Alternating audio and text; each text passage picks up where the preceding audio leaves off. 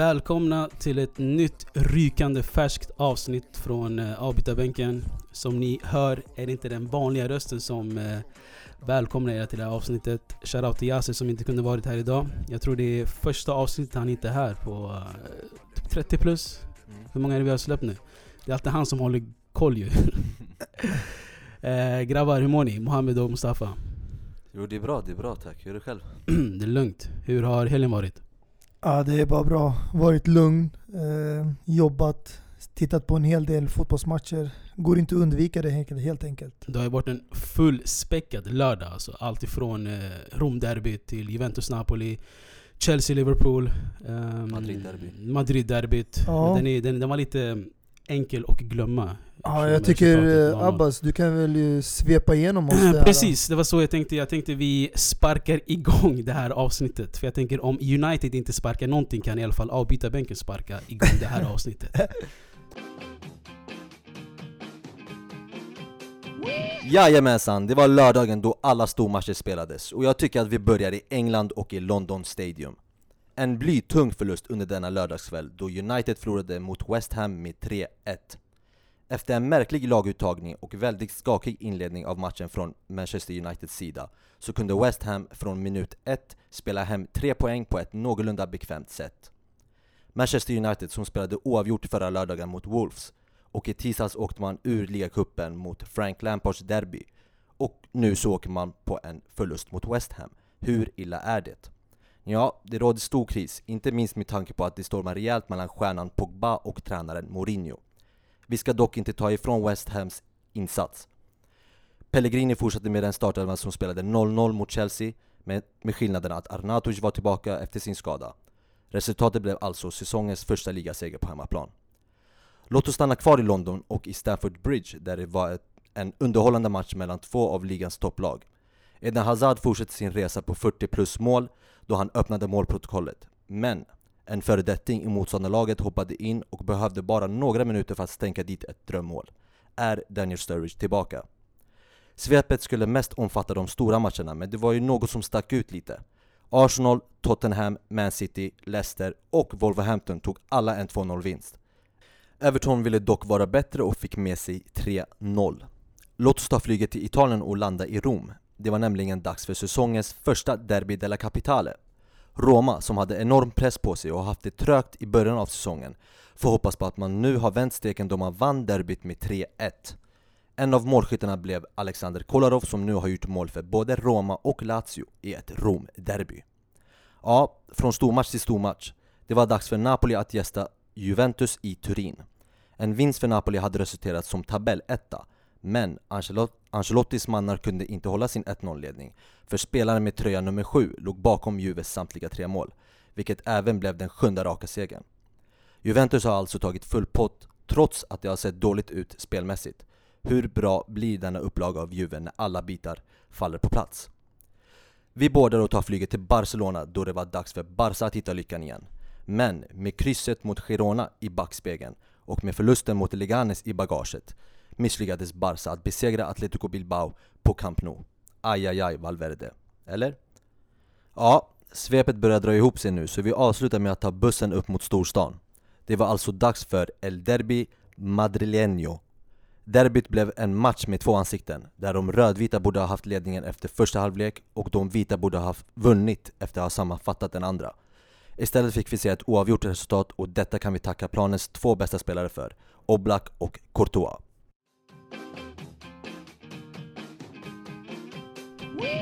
Ett matigt svep med eh, som sagt fullspäckad lördag och vi fick in allting. Eh, en sak som jag fastnade vid, det var, det var inte de här eh, matcherna eller eh, att det blev att hur Juventus spelar och så. Det var mer att Daniel Sturridge är tillbaka alltså. Mm. Hur mycket jag Mm. gillar den här killen. Det är, det är attityd på den här killen. Jag måste faktiskt hålla med dig där. Jag och Abbas hade förut en diskussion om spelare som drabbats av skador och sånt. Men eh, han eh, visar verkligen en stark eh, vilja. Han är stark mentalt också som kommer tillbaka från det här. eh, Inte för att han nu har cementerat en startplats, men eh, han har gjort en hel del viktiga mål mot eh, PSG i Champions League, i kuppen och ligan mot Chelsea. Så man Precis. kan inte bara blunda för det han har gjort. Men kan man säga att en 29-årig är tillbaka?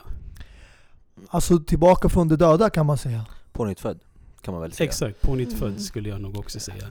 Ett eh, pånyttfödd som United verkligen behöver. Vi kan ju i vanlig ordning börja med att snacka med United. Det, det bör- börjar bli lika vanligt som att våra avsnitt börjar med eh, Labyrints låt Vi dansar. eh, så jag tycker vi eh, fortsätter med rutinen och snackar om eh, United. Ditt svep började med om eh, det tragiska laget och hur sorgligt det ser ut i Old Trafford och i Manchester. Eh, vad är det som händer? Vad är, det, är, det, är det slut nu? Är det, Mm. Alltså jag tror spelarna i United har tappat det helt och de är slutkörda alltså och tänker liksom att, ja, de, jag tror att alla vill att Mourinho ska ut helt enkelt. Så, så enkelt är det. Och man vet inte, jag hör ju, jag hör ju nu lite överallt där det står att Mourinho också vill bli sparkad. Jag vet inte vad sanningen är där. Precis, precis. Det har varit spekulationer om att han vill bli sparkad med Mm. flit. Mm, Och en, en, en spekulation som jag eh, börjar tro på allt mer. mm, för man har ju sett den här uh, videon nu som har blivit viral när Pogba går ut och, och, ska, och hälsar, vill hälsa på Mourinho men han nekar typ. Mm. Eh, och kamerorna finns ju där och jag tror, eller vet, att Mourinho också vet att kameran finns där så han gör ju det här med flit och Precis. vill skapa den här eh, situationen då För han hade inte behövt göra det Exakt, för han vet att de filmar träningarna. Exakt Så Eh, det, det, ja Det är Alltså, kris, det är Ja, kris jag, jag läste i efterhand att tydligen handlade det där om någonting att Pogba hade postat något. Jag vet inte om det var på Insta eller Twitter. När han sa, du vet, eh, pratade om att United should attack, attack, attack. Like we did last season. Du vet när man mötte då storlagen på hemmaplan. Han bara, det var så vi vann matcher hemma mot Chelsea, eh, Liverpool, vi vann City och de här. mm, mm. Han bara, vi borde spela så också mot smålagen. Och då Mourinho hade tydligen frågat, jag vet inte om det var assisterande tränare eller någon. Han bara 'John, come here, Ja, come exakt. here' What did Paul Exakt. post on Instagram? Exakt. Så och det var John det som gjorde honom lite irriterad. Men eh, enligt honom så är det inget fel på Pogba. Han tränar ju hårdare än alla andra. Mm, Eh, och förtjänar fortfarande att vara en startspelare. Ja, alltså grejen är hur mycket jag än eh, ogillar Mourinho och brukar alltid eh, du vet, ställa mig bakom spelarna. ehm, så måste jag ändå vara lite kritisk till hur Pogba alltså, ehm, beter sig och vad han lägger upp på sociala medier och så. Eh, bland annat efter Frankrikes ehm, matcher så skrev han på Twitter direkt att eh, bra uppsamling i Frankrike, jag, jag längtar tills nästa landslagsuppehåll. Mm. Vad betyder det? Att han inte ser fram emot eh, matcherna i sitt klubblag eller? Så det är mycket sånt där alltså. Och även alltså om, om det var en eller två eller tre spelare som det var fel på i ett lag eh, så skulle man kunna tänka okej, det är de spelarna som måste ryka. Men när det är ett helt kollektiv, när det är ett helt lag spelar som United spelar då tyvärr, då, då, är, det, då är det något större det, problem. det så. är inte ett helt lag. Alltså du måste förstå, om bara två eller tre spelare inte spelar till 100% så förstör det hela lagkemin. Laget kommer prestera. Jag har hört att till exempel eh, Lukaku och Pogba, de, har, de är kända för sin relation. Att de har en bra connection och du vet, de spelar väldigt bra på planen och umgås väldigt utanför planen. Men nu har den relationen blivit skadad och påverkad på grund av konflikten mellan Mourinho och Pogba. Och det där är ju någonting som stör också till exempel Lukaku. Även om Lukaku inte har något problem alls med Mourinho. Det påverkar ju ändå honom, spelaren, när hans lagkamrat och hans egen tränare är i en konflikt. Så egentligen, jag tror inte det är kollektiv. Jag tror det är några enstek, enstaka spelare. De vi känner till bland annat det är de franska spelarna, Martial och Pogba. Sen vet jag inte, vi, Sanchez situation den är väldigt luddig men jag tror inte alla spelare har vänt sin rygg mot Mourinho. Jag tror det är ett fåtal och det är en självklart minoritet alltså. Yes, men den stora snackisen var ju att eh, Pogba, eller att Mourinho tog ifrån Pogbas eh, kaptensbilder, alltså som andra kapten då i laget Som han först gav till att börja Exakt, med. exakt. Och det är där jag ställer mig, alltså vem, eh, hade Mourinho rätt att göra det? Ja, det tycker jag, för som du nämnde Dini själv, när han går ut och säger att, vi, att man hellre vill köra attack, attack, attack och eh, när han går till Frankrike och säger det som du sa liksom du har, alltså om du är en kapten och ska vara en förebild för laget, så, då gör man inte det helt enkelt. Ja, alltså, Tycker jag, och där har Mourinho rätt. Alltså jag, jag har inga problem det Mourinho gör. Jag har inga problem att han strippar av han eh, lagkaptensbindeln och att... Eh, men problemet i sig ligger att allt det här är inte bakom stängda dörrar. Allt Mm. det här cirkuset får media och alla andra ta del av. Och jag tror att det här är ett väldigt taktiskt drag av Mourinho. Eh, när han... När liksom spelet krisar och när spelet brister, alltså när, när spel inte...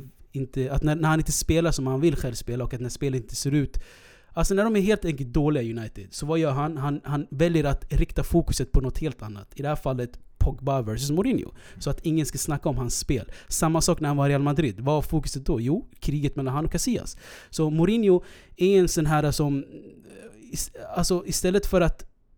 Som, alltså Ferguson, när Ferguson tränade, jag jag brukar alltid lyfta upp Ferguson men det är, det är vanligt för att göra det när man snackar om United. Men- alla. Men eh, när, när, kommer du ihåg när cirkusen var kring Rooney, att han ville lämna och så vidare och så vidare. Att, eh, att han ville gå till Bayern München och Bayern München inte ville ha honom och så, och så vidare. Vad gjorde Ferguson då? Jo, han ströp hela det där, men bakom stängda dörrar. Vilket Mourinho inte gör. Så jag tror problemet ligger att Mourinho vill sätta sig själv i centrum. Ehm, på ett Mourinho-vis.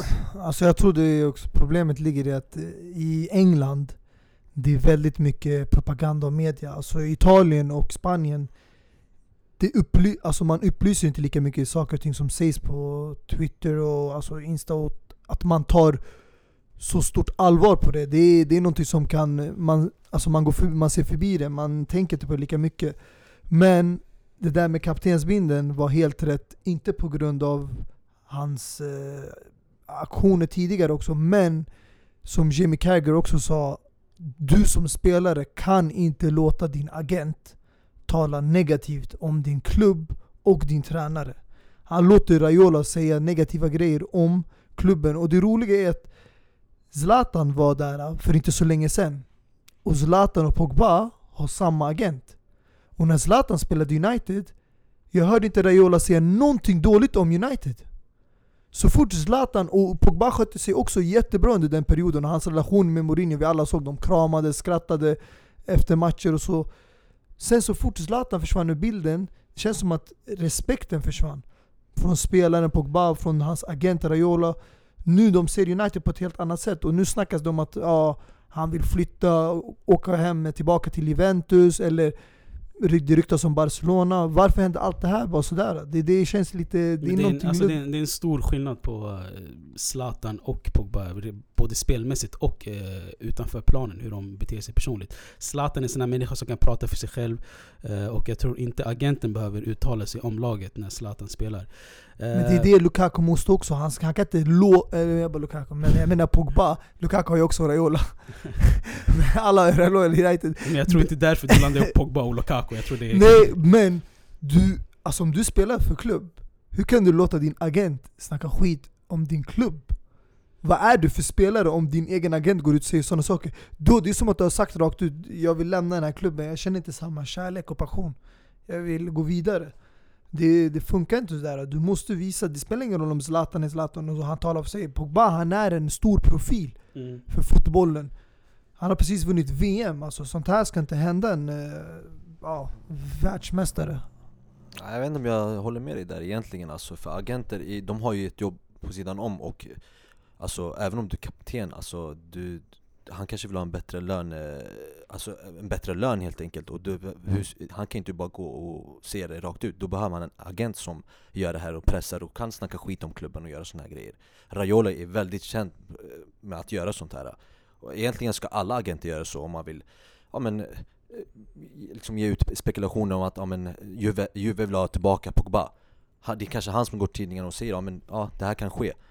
Och då kanske United vill ha kvar Pogba genom att ge honom en högre lön. Det här är ett spel mellan agenterna och klubbarna, jag tycker inte det har någonting med kapten, alltså kaptensbilden att göra Mm. egentligen. Mm. Eh, Men bara för att gå tillbaka med Mourinho, det här eh, skillnaden alltså.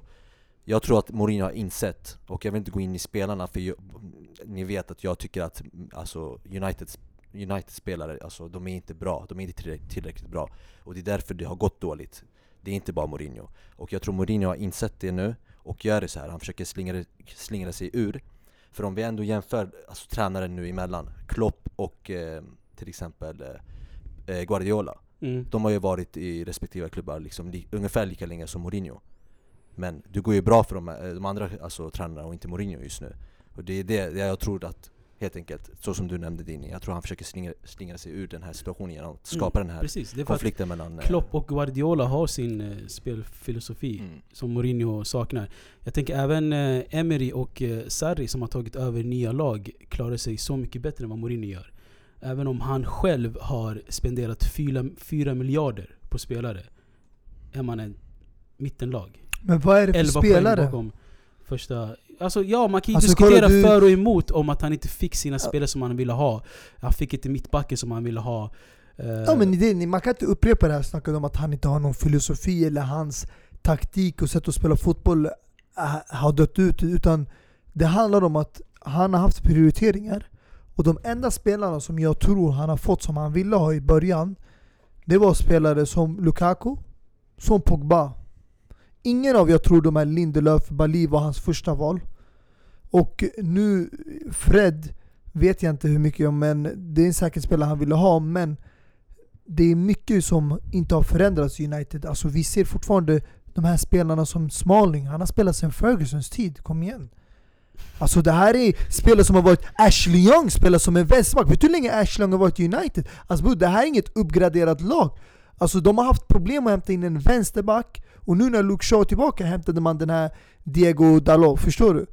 Och innan det Problem- hade man inga spelare, så man kan inte säga att United har, har bra spelare, och Mourinho har, om det här kanske låter dåligt att säga, men han har all rätt att få sig själv sparkad. För att en tränare som inte är nöjd, som är besviken, hur ska han kunna motivera sitt lag att vinna när inte ens han har det laget han har liksom ja, hoppats på att få varje sommar? De spelarna. Alltså du kollar på Klopp mannen, han får en mittback för 75 miljoner pund. Han får en målvakt för 65 miljoner pund. De ger honom det han vill ha på silverfat, och det får inte Mourinho. Och detsamma gäller eh, vad heter han, Guardiola. Han fick Mahrez, han har fått allting han har önskat under de eh, åren han har varit i City. Ja, med all rätt att Klopp och eh, Guardiola ska få sina spelare. Men jag tror helt enkelt som, som jag sa i förra avsnittet att Mourinho passar inte United och United passar inte Mourinho. Helt enkelt alltså. En Vad menar du med passa? Alltså jag förstår inte. Vad var det för filosofi eh, Ferguson hade? Var inte det kontringsfotboll? alltså, jag, Eller var det tiki-taka? alltså inte på ett spelmässigt sådär. Jag menar bara att Ferguson var, var ett med klubben. Mourinho tror jag inte ses som sån gubbe liksom. Och eh, jag tror inte... Eh, som sagt, han behöver sina specifika spelare, han behöver sina stjärnor. Han kan inte spela med spelare som Fletcher och O'Shea och eh, Darren Gibson. Så jag tror ju, Ferguson, alltså helt enkelt, en Mourinho. Mourinho, Mourinho passar inte in i United. Eh, Och jag mitt i Mourinho passar in, vem passar in? det är det jag tänkte komma in till nu. Eh, det har ju snackats... alltså vem kan ta över och göra det? För ingen kommer bli som Ferguson på en gång, ett med klubben. Det har ju snackats så mycket om dubbel-Z. Eh, Zizou, Zinedine Zidane. Om jag själv var Zidane skulle jag inte ens ta en tång i United. Alltså jag skulle inte ens komma nära United, hur giftigt United nu än är. Alltså. Det är, vad, vad tror ni? Det, det snackas ju en hel del om Zidane, om att United har eh, börjat eh, prata lite med honom och så vidare. Alltså det finns lite likheter mellan Zidane och Ferguson. Och det var det just du nu nämnde. Kommer du ihåg när du sa Ferguson, han kunde få ut det bästa av spelare som Cleverly. Som John. O'Shea. Så det här rätt. spelare, han kunde få dem att prestera på en nivå som så fort han lämnade, det rasade ner. Precis. Jag, Och- jag vill bara säga cleverly game changer.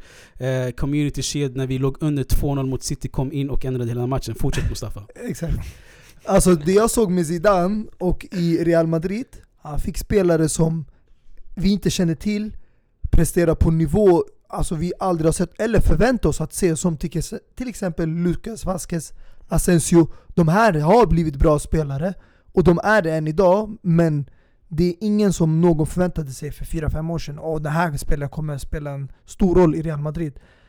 Och sen du har spelare där borta i försvaret, Nacho, som är en ja, backup, men han kommer i framtiden komma fram. Han har fått spelare och nå nya höjder som Marcelo, vi har aldrig sett honom så här bra under Ancelotti eller Mourinho. Alltså, jag Så jag tror han kan göra likadant med United. Jag tror han kan lyfta de här spelarna som är dåliga och få dem bli ännu bättre. Och att ha en spelare, eller en tränare som är en före detta spelare, det är jag tror ett stort plus för spelarna. De ser upp till det. Ja, jag vet inte, jag tycker tvärtom alltså. Eh, Jag tycker absolut inte de är lika och jag tror absolut inte Zidane är en tränare som kan få det maximala av en Alltså en spelare som inte man känner till Du nämnde Vasquez och du nämnde Asensio och de här Alltså om någonting, ja de, de kom och visade sig då, då de var riktiga bänknötare Men om någonting så Alltså alla trodde ju att Asensio skulle vara den största, st- alltså den nya hitten alltså förra säsongen När han spelade under Zidane. Men han var ju absolut inte det, han var ju under radarn alltså helt. Så det är ju ett bev- bevis på att Zidane inte kan utveckla talanger direkt. Och nu ser vi Asensio, nu ser vi han eh, nu, idag. Han är ju riktigt bra just nu. Ja, eh, Men det är inte på grund av Zidane För nu är det någon annan tränare som lyfter fram honom men vem är det som gjorde honom? Zidane, Zidane är en som, likadan som Mourinho faktiskt egentligen Som kan få ut det maximala av toppspelare Vilket egentligen inte är så jävla svårt Men vem, vem startade. Asensio för idag? Vem fanns förra året som inte finns idag i Real? Ja, just därför, det jag menar Du, Ja, du, du du, lyfter fram argumentet att eh, eh, eh, Zidane kunde göra Alltså sådana här spelare som Vasquez och Asensio stora Men han gjorde inte det, de var ju bänknötare och fick hoppa in, ja och göra det de fick inte några bänknötare, de fick spela väldigt mycket. Det Zidane var känd för, som du Dini kan hålla med mig, det var att han bänkade Ronaldo mycket mer än vad alla tränare gjort. Han roterade Real Madrids lag och trupp mer än vad alla tidigare Real Madrid-tränare. Han hade bollarna att sätta Ronaldo, Isco, Modric och den här spelar på bänken inför en Champions League-match, även om de hade en svår ligamatch. För att nummer ett, ge alla speltid. Spelare som Nacho, Kovacic, Asensio, Vasquez skulle få mer speltid. Och för att vila sina stjärnspelare så att de skulle vara hundraprocentiga när Champions League-veckorna kom igång. Och det är det han har gjort. Men sen att de inte kunde ta startplats, det är en självklarhet. Kolla vem de har på toppen. Cristiano Ronaldo som har vunnit fem Ballon d'Or. Som ny Juventus, är- du kan inte förvänta sig att han ska spela för Bale var bänk bakom Isco. Ska Asensio komma in och starta där? då? Jag- Men nu är Ronaldo borta och därför finns det plats för Bale, Asensio och sådana här spelare att få äntligen starta och skina under en ny tränare. Ja, jag, jag, ska, alltså jag ger honom de här Champions League-titlarna som han har vunnit Men du nämner ju de här rotationen och allt det här Men det har inte le- lett honom till någon titel inhemskt. För han har ju varit där i fyra år, tre år Nej, Och vunnit en gång. Två år. Han har varit tre säsonger. Nej, jag räknar inte den säsongen. Jo. han kom ju in i hälften och tog över från Benitez som har Okej, förstört hela men, laget. Men, men vi, vi har, vi har Så kort... två år han tog hem en ligatitel. Vi har, vi har kort snackat om Zidans sejour i Real Madrid och vi har eh, uppdaterat våra, ja, våra, våra, våra lyssnare om vilken typ av tränare Zidane är. Så frågan är, skulle han passa i dagens United? Zizou? Jag tror han skulle det, absolut. Alltså jag tänker också absolut, alltså för eh, alltså nu tänker jag bara på grund av att det finns, ni har, ni har ju fransos där eh, i ert lag som pratar fransk, eh, franska Mm, då också, mm. jag tänker på Lukaku också som pratar, talar franska Jag tror han pratar holländska. Han det? Mm. Mhm. Jag tror han nämnde det i, Det var något nytt eh, i Viasat-studion när de intervjuade han så sa han att Jonas Olsson var en av hans närmaste vänner i West Bromwich för att de pratade alltså, samma språk och Jonas Olsson kan holländska så de kommunicerade på holländska. Men jag vet inte, han kanske kan franska också. Ja. Nej, jag tänkte Ja. han kan ju också, han, alltså han kan ju få igång Pogba till exempel Mm. Han kan ju få igång Martial som är helt, eh, alltså man tänker inte på honom längre Mm. eh, Och sen ja, Du menar att Zidans kvaliteter och Zidans alltså, styrkor är att spelarna vill spela för honom, eller? exakt Ja, eh, grejen är alltså, även om eh, Dubbel-Z här har vunnit tre Champions League-titlar och en ligatitel och någon Supercupen här och där. Alltså, för mig är han inte en eh, alltså, pro, prövad tränare ännu alltså. Tack! Det finns det så jävla många Ja, som säger att han är världens bästa tränare Alltså, någonsin det- Så, fort, så fort han vann Champions League-titlar och så fort eh, det En gick bra Champions för honom League-titel. Ja, jag fattar. Jag, men grejen är, jag tror, jag tror att han kom till ett alltså, Alltså, ni- rätt tidpunkt och rätt plats och att Champions League-titlarna bara ramlade in. Exakt. Jag Han bara ramlade in, va? han hamnade bara där.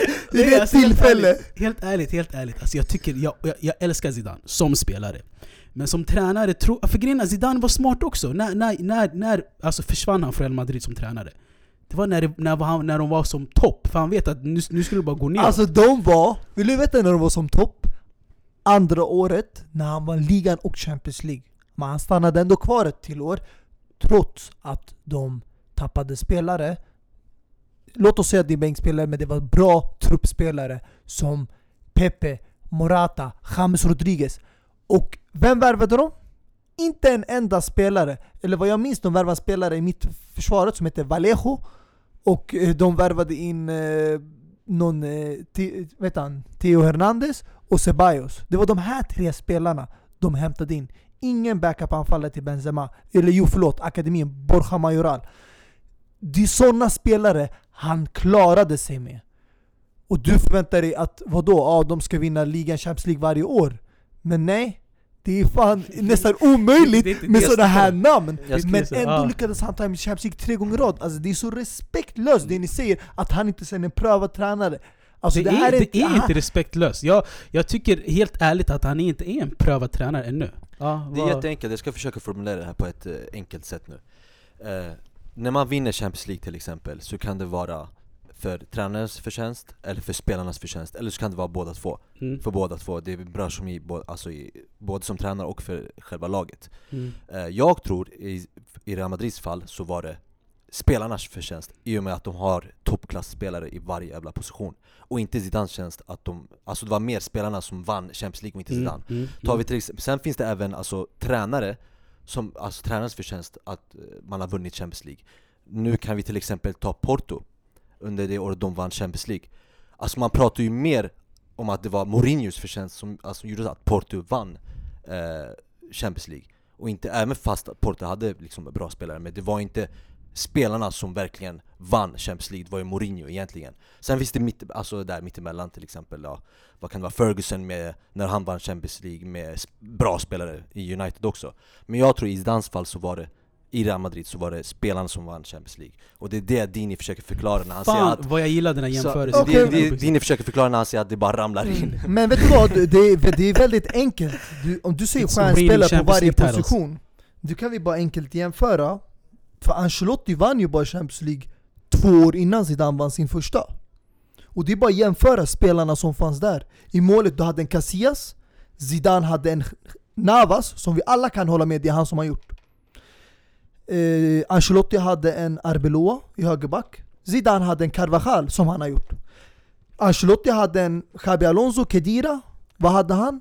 Han hade en Casemiro, som enligt mig Zidane har gjort. Ja, I Ancelottis lag satt Isco på bänken. Alltid. Och det ryktades så mycket att han skulle lämna Real flera år i rad. Till City när Pellegrini var där och till andra lag. Men Zidane kom in, han satte Bale på bänken och han satte Isco som startspelare med tre man i mittfält. Och vem gjorde Modric till den mittfältare han är idag? En spelare som har vunnit VMs bästa spelare, Fifas bästa spelare, det är Zidane. Vem gjorde Marcelo till världens bästa vänsterback? Ni sitter och säger det här är samma jag lag, ska- jag ska- det här är inte snära, det här är en helt ny dimension. Alltså är, skojar du med mig? Alltså Mourinho har haft ett Real Madrid med spelare som Kaká, Özil, Di Maria och de kunde inte vinna Champions League. Och du sitter och säger till mig, är Real Madrid med på bänken? Vasquez, Asensio, Nacho, men vet vad det här är? Kovacic och ska vinna Champions League, Borja Majoral. Det finns, ju, Man. det finns ju svar för det här också, och det är regelbunden spel, alltså speltid med tillsammans För du snackar om ett, en tid när spelarna var precis nya i laget En Bale som kommer från, från England, alltså när fan har vi sett engelsmän i, Men han eller var från liksom brittiska öarna i, i, ja men jag- var, han var ju absolut inte den spelaren som var nu senast när han vann, när han gjorde två mål i Champions League, eller hur? I Zidans eh, vet, Bale eller var det Ancelottis Bale? Vad men skulle du välja? Nej, Zidans Bale eller, två mål. i Champions League-finalen nu senast? Ja, och han gjorde mål i finalen med Ancelotti också. Ja, han var ju men mycket var han bättre spelare då. Än, än nu? Ja. Eller, jag, du, Han har inte sett, jag tror snackar- Ancelotti när han avgjorde Copa del Rey, när han fick skicka, du vet vi alla har hört det där skämtet om Mark Bartra. Vad brukar man säga? Bale var skadad förra säsongen Bale var skadad förra säsongen, men det var inte Vi alla vet att han är en bättre spelare idag i Real Madrid än han var när, man, ko- när han var där Samma sak med Cristiano Ronaldo när han kom till La Liga Det är just det är enkelt Alltså nu tror folk att han kommer bli bättre för att Ronaldo har lämnat, men eh, han eh, var ju mycket bakom Isco. Isco blev ju för bra. Men alltså jag, jag, jag gillar det här du vet, uppläggningen på att det, det finns alltså, olika kategorier, eller olika förutsättningar för varför en klubb vinner. Eh, spelare, tränare eller, eller, eller, eller klubben i sig. Så, alltså, min fråga lite här är, vem har störst makt i klubben? kan en spelare ha större makt i klubben än en tränare? Ja, bästa exemplet är i Barcelona.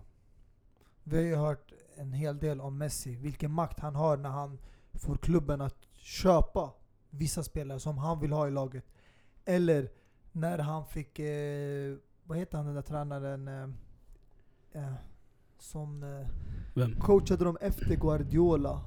Valverde? Nej, inte, inte Nej, vad säger jag? Tito Eh, Villanova. Tito Villanova. Efter, Tito Villanova. Han, Eh, Luis Enrique? Nej, innan eh, Luis Enrique. Han som fick sparken. Som gjorde riktigt dåligt. Eh, fortsätt tänk på den så ska jag googla den. ja, det var en tränare där som var emellan i alla fall och eh, det sägs att det, ja, det var Messis call som fick honom utskickad. Så grejen är, det där, också, där kan vi också dra upp tränarsituationen. Du säger att Zidane har inte, det här är inte Zidanes alltså, Förtjänst. förtjänst.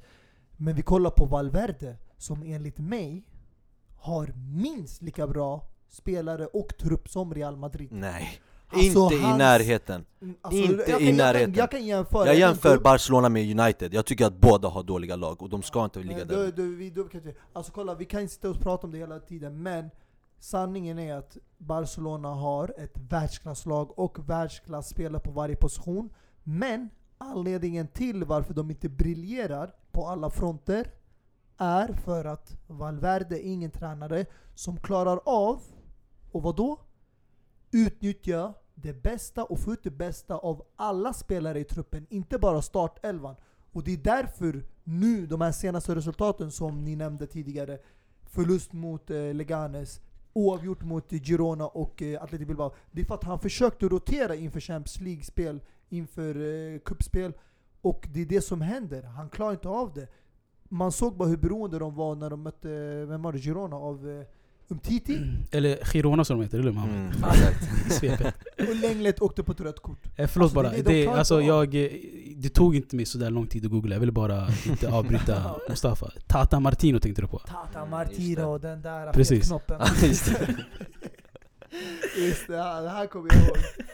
De trodde att han skulle bli värsta tränaren. Jag tro- han coachade landslag innan trodde jag förut. Mm, Argentina Ja. tror jag kanske. Men eh, det, det är intressant det ni säger, för jag kommer ihåg alltid, ehm, eh, jag tror mellan eh, Guardiola och Villanova, eller kan, kan det vara mellan Villanova och Tata Martino, när eh, Rora, kommer du ihåg Rora när han tog över Barcelona? Den här interim managern och sånt där. Ja, det var efter Tito Villanova för att han åkte in till Ja, sjukhuset. ex, exakt så var det. Var. När, när han tog över eh, Barcelona en kort stund och alla och, och det, var en, det var en diskussion mellan Vadå? Barcelona är ett självspelande lag. Kolla bara, det är bara att sätta upp samma laguppställning, samma lag så kommer de vinna. Vad spelar det för? Jag kan coacha Barcelona. Det var mycket sånt där snack. Och när Roro tog över Barcelona, herregud vad dåligt det gick alltså. Herregud! Det var en eh, Titanic alltså. Ja, Sjukaste jag sett. vet- Så jag tror nog alltså, Men det här var ju efter eh, Villanovas eh, bortgång då eller? det var när han var inne i sjukhuset. Okej. Mm. Det Kanske, Eh. det där kan ju också påverka alltså, spelarna också, Ja, egentligen. Alltså, det Men jag tror behöver han inte var väl att... eh, assisterande tränare till honom. Exakt, exakt. Men, Men- men jag menar bara, alltså jag tror eh, många som eh, inte liksom eh, värderar tränare på, på, på så sätt att folk säger att tränare inte är så viktigt, mer viktigare vilka spelare du har. Alltså jag, jag måste säga emot det där. Jag tycker tränare är numero uno. För om du har en bra tränare som verkligen kan träna ett lag så kan han träna vilket lag som helst. Jag tror det där, alltså det beror på också när det kommer till tränare. Du nämnde de här uh, Barcelona till exempel som hade två spelare, när de hade Xavi, Iniesta, Busquets och hela laget fungerade perfekt. Mm.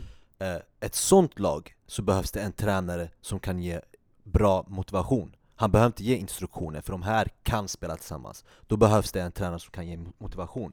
Och an- sen finns det andra lag som inte är bra samspelta. Mm. Och då behövs det en tränare som kan göra det, få, få ihop det där. Mm. Så Som, lite annorlunda. exakt. Alltså, Alltså, typ Galacticos när det bara är storstjärnor i ett och samma lag. exakt. Så behöver du en tränare som är större än de här spelarna som kan, exakt. bara du vet. Men ehm, jag tror alltså Valverdes största problem är att han har brutit mönstret. Det har varit alltid tiki-taka. Det är den filosofin vi har sett tidigare av Barcelona. Och just nu, jag ser inget mönster. Alltså jag ser ingen det här Barcelona som folk fruktade förut. Alltså de har ju fortfarande världsklassspelarna och de har ett bra lag men det, när, de, när de kör mot olika typer av lag, det känns som att det finns ingen eh, en connection. Du märker inte att det är samma typ av fotboll de spelar ena matchen de kommer ut, de spelar jätteoffensivt och sen vissa matcher de pressar i lugn och ro och de håller tillbaka. Och jag tror det är Valverde, jag vet inte vad för typ av tränare han är men Precis. jag måste ju faktiskt hålla med Barca, så- alltså fansen förra säsongen som kritiserar dem väldigt mycket trots att han vann ligatiteln. Vann Ja, han oslagbar? Nej han förlorade en match bara.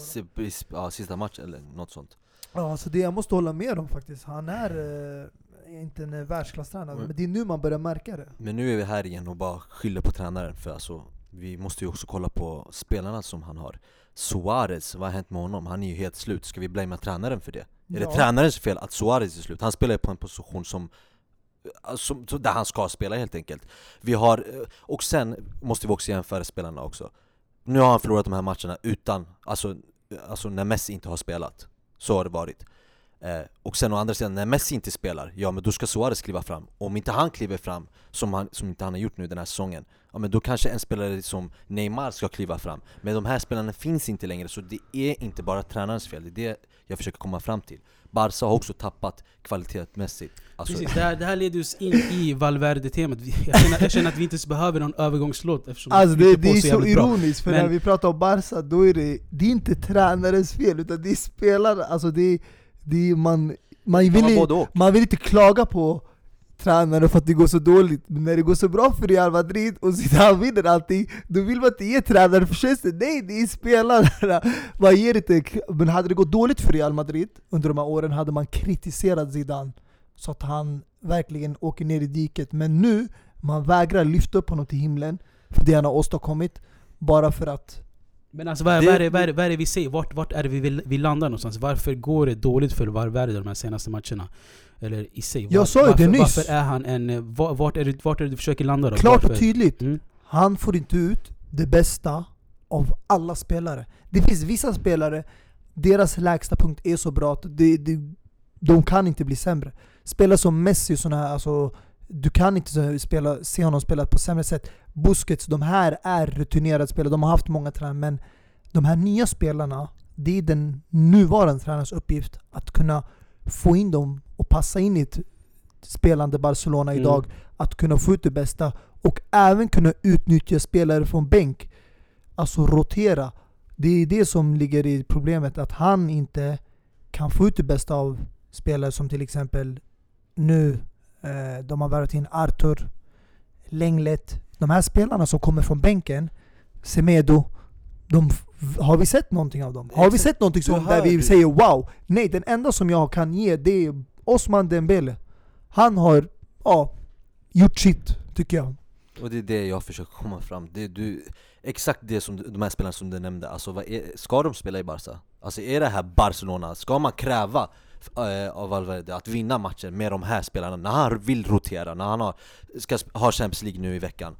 Alltså, och sen slänger han in Arturo och spelar bänk, alltså bänkar Messi och sen har han, ska förlita sig på de enda spelarna vilket är Coutinho och eh, Dembele för det är de som har spelat för Suarez har ju varit under isen helt så ja, exakt. Är det, är det, det, va- varför ska det här bara vara Valverdes fel? Men vems Du- fel du- är det att det är ditt Suarez argument. presterar så dåligt?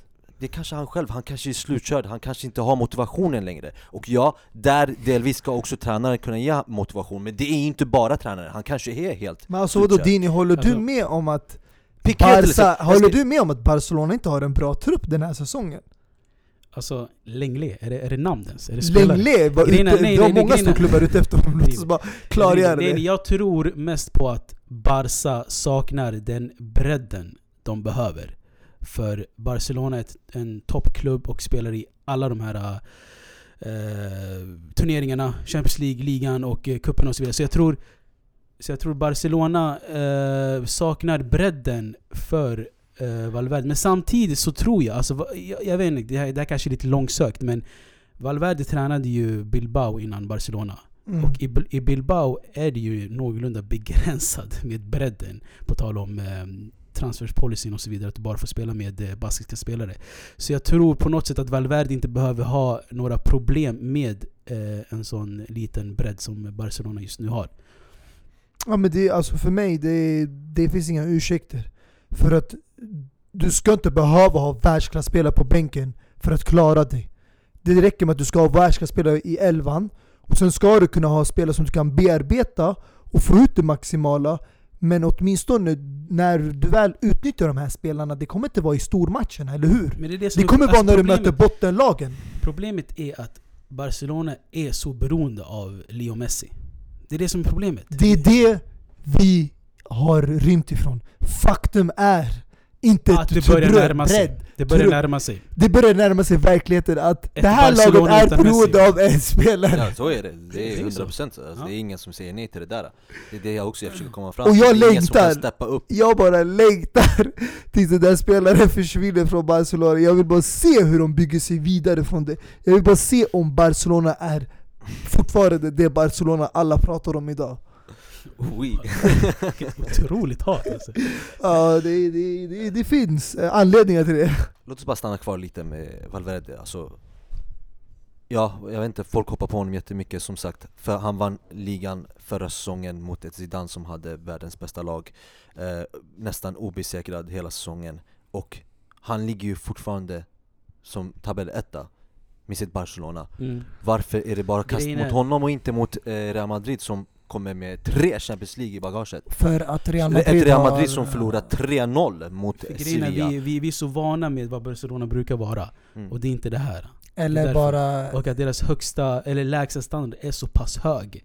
Är det, det är det att inte verkligen svar på hans fråga? Vad sa du? Vad sa du? Borde det inte vara egentligen att Real Madrid har bara helt enkelt tappat en av världens bästa tränare och världens bästa fotbollsspelare och det har inte Barcelona gjort. Om jag Jag frågade har så här, förstått, du älskar Okej Zidane, men om jag ja. frågade så här, om Barcelona inför den här säsongen tappade, inte tränare, låt dem behålla sin tränare. De tappar Lionel Messi. Vilken placering tror du de skulle ha i tabellen? Helt ärligt. Helt ärligt, tredje, fjärde, Tack. femte, ja Vart ligger Real Madrid? Tredje, va?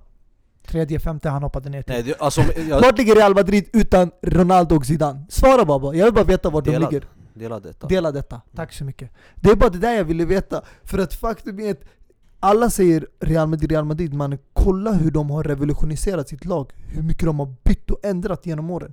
Barcelona, de har bollt samma Piqué, eh, Busquets, Messi. Nu de börjar falla av. Du börjar se spelare som Xavi, Iniesta. De börjar försvinna från klubben. Och det är då det börjar ske ändringar. Och vi får se det jobbigaste för en klubb, det är ändringar. Det ser vi United med Ferguson. Det såg vi Inter Milan med Mourinho. och vi har sett det med andra klubbar. Men sen finns det vissa klubbar som Chelsea. Trots att man byter tränare så ofta och spelare. Hamnar i håller Europa man League och spelar där nu Ja, lyssna, kan vi gå vidare från det här, eh, den här ligan då också? Och hamna i något annat istället Vart vill du landa? Ja du, jag vill bara bort från Zidane-snacket Men alltså går du tillbaka till Juventus-Italien, då hamnar vi också hos Zidane. En före detta spelare. Nej men skämt åsido. Eh, Helt enkelt, låt mig bara säga jätteenkelt Ja, du snackar om att eh, när Xavi, Iniesta och de här Messi slutar, det kommer bli knas i Barcelona Jag säger samma sak i Real Madrid, när Modric, Kroos, eh, Bale och alla de här slutar men Modric och Kroos är inte Det- samma det- status som Xavi, det- Iniesta Nej, och Messi det tycker jag inte heller, men jag säger bara, de kommer också falla Tills Det där är annan- inte akademilegendarer alltså, som har varit där sedan barnsben. Men det, Nej, men det är förstår. samma sak, det är samma sak när Milan tappade en hel generation på en gång. Eh, nästa Gattuso, Maldini och så vidare och så vidare. det är, Mm. Men det är det, kan, kan Barcelona vara på väg mot ett samma fall som eh, Milan? men om, Nej. alltså, det Det, är, det, det, är på omöjligt. grund av, det är det jag försöker säga när jag försöker ta fram mitt argument för eh, United, varför de är skit Skillnaden mellan United, eh, Barcelona, eh, Real Madrid. Alltså skillnaden mellan dem och till exempel Milano-klubbarna. Det är som sagt pengarna, du kan värva vem fan du vill. Och kvaliteten kommer göra så att du kommer vara kvar där på toppen. Till skillnad från de som inte har pengar som måste värva eh, småttingar som, ska, som man hoppas på kan bli världsstjärnor likt Icardi. Men alltså, Likt såna här spelare, om vi- Suso som Milan har. Men om inte vi, ska heller vara, så om, vi jävla ska bra, vara, men rea- alltså. om vi ska vara realistiska helt ärligt. Har de inte lyckats ersätta Piol? Samuel Umtiti enligt folk är en av världens bästa mittbackar, eller hur? Piqué är slut just nu I Barca, i folks ögon, Ter Stegen är bättre än eh, Valdes, eller är det bara jag som har fel? Och enligt Abbas är Coutinho den perfekta ersättaren till Iniesta, eller hur?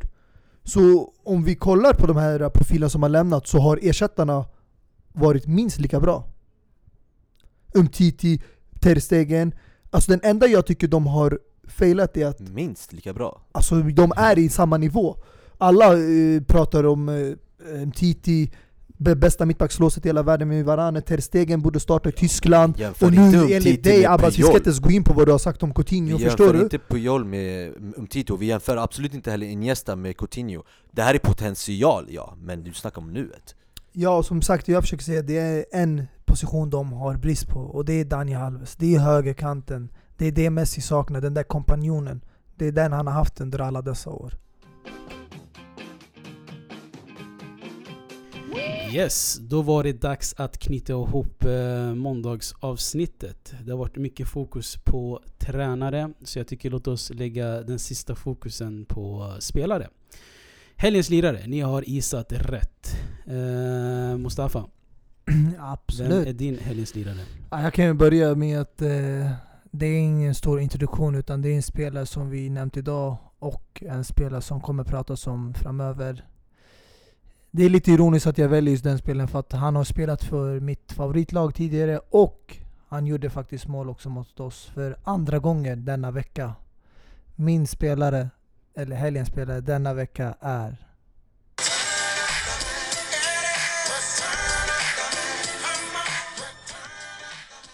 Ja, som ni vet så är det Daniel Sturridge Return of the Mac brorsan. Ja, vilken lirare alltså. Sådana spelare man saknar eh, och eh, får hoppas se mer av honom. Även om han spelar för rivallaget. Det är en spelare som jag verkligen gillar. Precis, vi började avsnittet med att eh, lyfta upp Danny Sturridge och avslutade med honom också.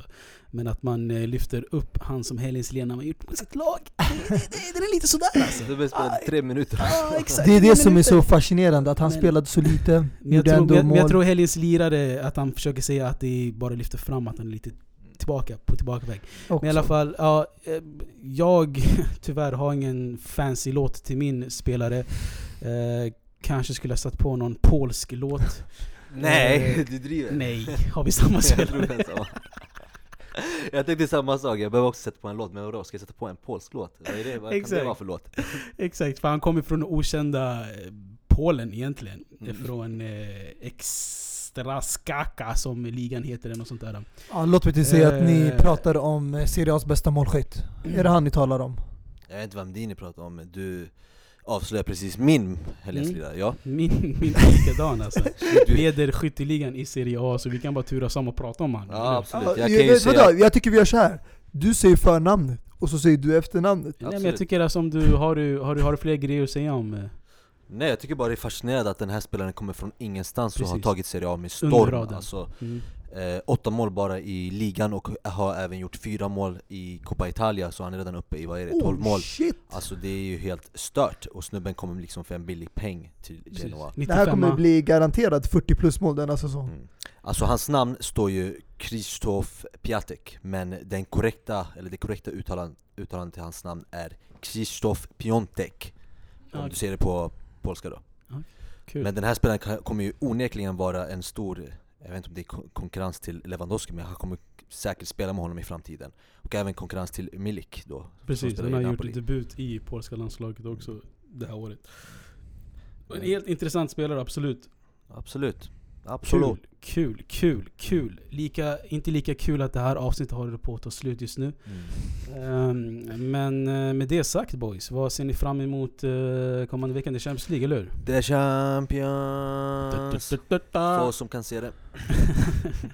Det roliga är, du vet att, jag tänkte på det i helgen, att alla lag som skulle spela Champions League i veckan spelade på lördagen, du vet. mm. Och sen så, men hallå, Chelsea spelade också i lördags. Det är för att det var, de var Liverpools motståndare som skulle spela Champions League. Det är- Bror, oroa dig inte. När vi kommer tillbaka, vi tar den turneringen med storm. Inte som andra som bara är där och sniffar ett tag och sen försvinner. Yes, men det är otroligt. Vilka möter Inter? De möter eh, PSV, Mark van Bommel kallar det för sitt eh, lilla derby för honom då Precis, det är inget lätt eh, motstånd enligt mig. United möter Valencia där hjärnan säger torska så att Mourinho får sparken. Hjärtat säger att torska absolut inte. Så det vi får se hur det Alltså blir. jag måste faktiskt säga att tisdagens matcher är ganska trötta och eh, lite tråkiga måste jag säga. Jag ser mest fram emot onsdagen där eh, Napoli möter Liverpool. Det är samma Det dag som det, det Barcelona och Tottenham mot Barcelona. Ja. Det är de enda två stora matcherna Exakt. som jag verkligen... Det är det jag menar, och jag, jag har för mig att båda spelar samtidigt klockan nio, eller hur?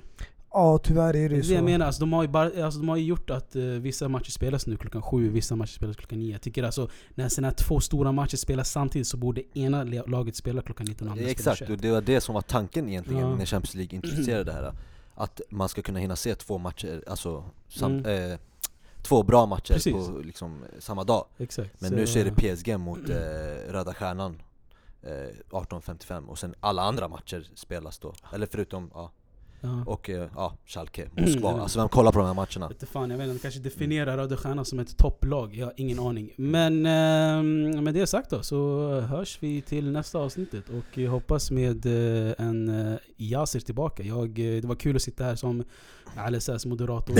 jag hoppas jag gjorde ett bra jobb ifrån mig men eh, vi saknade Yasir.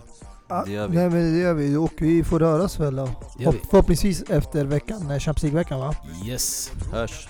Peace! Vi gör horus med den, checkar moveselen Har den i blodet sen det blir bor igen Så normal, vi fortsätter dansa Barn börjar dansa innan första vokalen yeah. Innan go-go gaga Och vi fortsätter tills Aina tar över haket yeah. Tills nissarna gör razzia Svart klubb, det massa rök i lokalen yeah.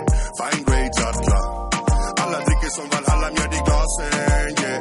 Plus rom och vodka uh. Trumman är farligt galet, kombinationer av toner som gör det magiskt. Inte misslyckat uppdrag men vi rör oss tillbaka. Sen la ba ba ba karnevalen tar över